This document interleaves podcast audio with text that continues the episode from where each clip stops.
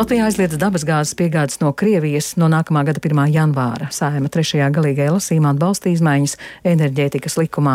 Likuma projektu atbalstīja 74 deputāti, bet divi bija pret. Mērķis ir izbeigt atkarību no Krievijas energoresursiem, kā arī nepiedalīties Krievijas kara pret Ukrainu finansēšanā.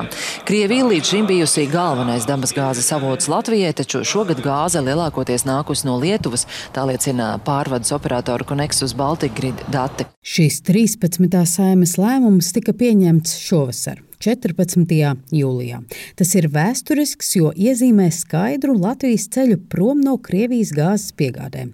Latvija un Eiropas Savienība par atteikšanos no Krievijas dabasgāzes izmantošanas ļoti nopietni sāka domāt pēc Krievijas sāktā kara pret Ukrainu. Un ne tikai domāt, bet arī rīkoties, izvēloties gāzes piegādātājs no citām valstīm - Norvēģijas, ASV vai Kataras. Saspīlētā gāzes piegāžu situācija izraisīja energoresursu krīzi, kuru izjūt tik viena Latvijas maisaimniecība un uzņēmumi. Noteikti tas ir vēsturiski, tas ir skaidrs. Jā. Domāju, ka mēs pie šā būtu nonākuši ātrāk vai vēlāk. Šie drausmīgie notikumi, ko Krievija šobrīd veids Ukrajinā, tas tikai pātrināja šī lēmuma pieņemšanu.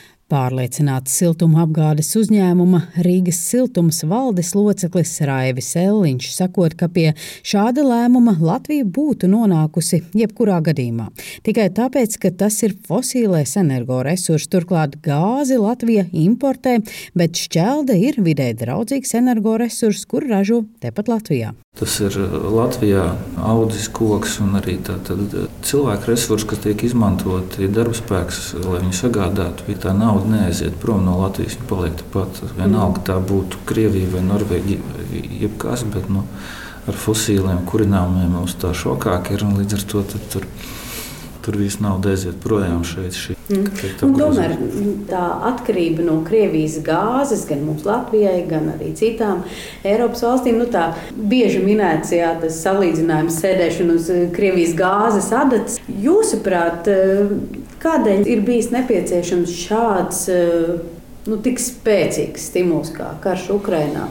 Lai spērtu šos izšķirīgos soļus? Jā, nu redziet, ir jau arī domāju, ļoti grūti valdībai, lai spērtu šādu soli, ja ir tāds eh, un mums, lai virzītos mūsu pieņemtajā, pieņemtajā virzienā, kā es rādu grafikā, mēs vien zaļāki un zaļāki paliekam. Ir šis divu gadu atpakaļ laiks, kad bija gāze maksāja 8 vai 10 eiro un šķelda maksāja ap 20, 25 eiro, Gāze ir lēts kurināmais, kas toreiz eh, tika piegādāts Latvijai. Nu, visā reģionā viņš tā arī maksāja. Un, un tad ir ļoti grūti pieņemt šādus lēmumus. Mēs arī tikām daudz, ja tā drīkst eh, izteikties, īsti no ārpuses.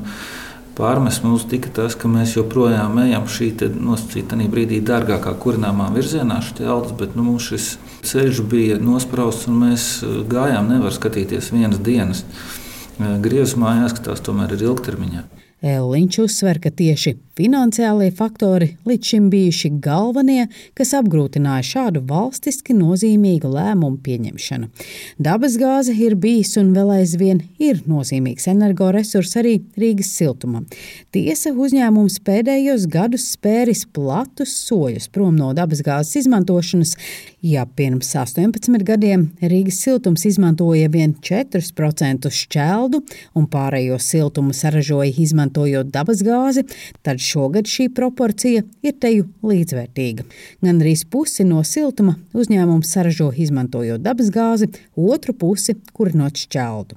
Šogad energoresursu krīze līdzi arī krietni lielākus siltumapgādes uzņēmumu tarifus. Arī Rīgas siltumam nācās rīdziniekiem pavēstīt šīs nepatīkamās ziņas.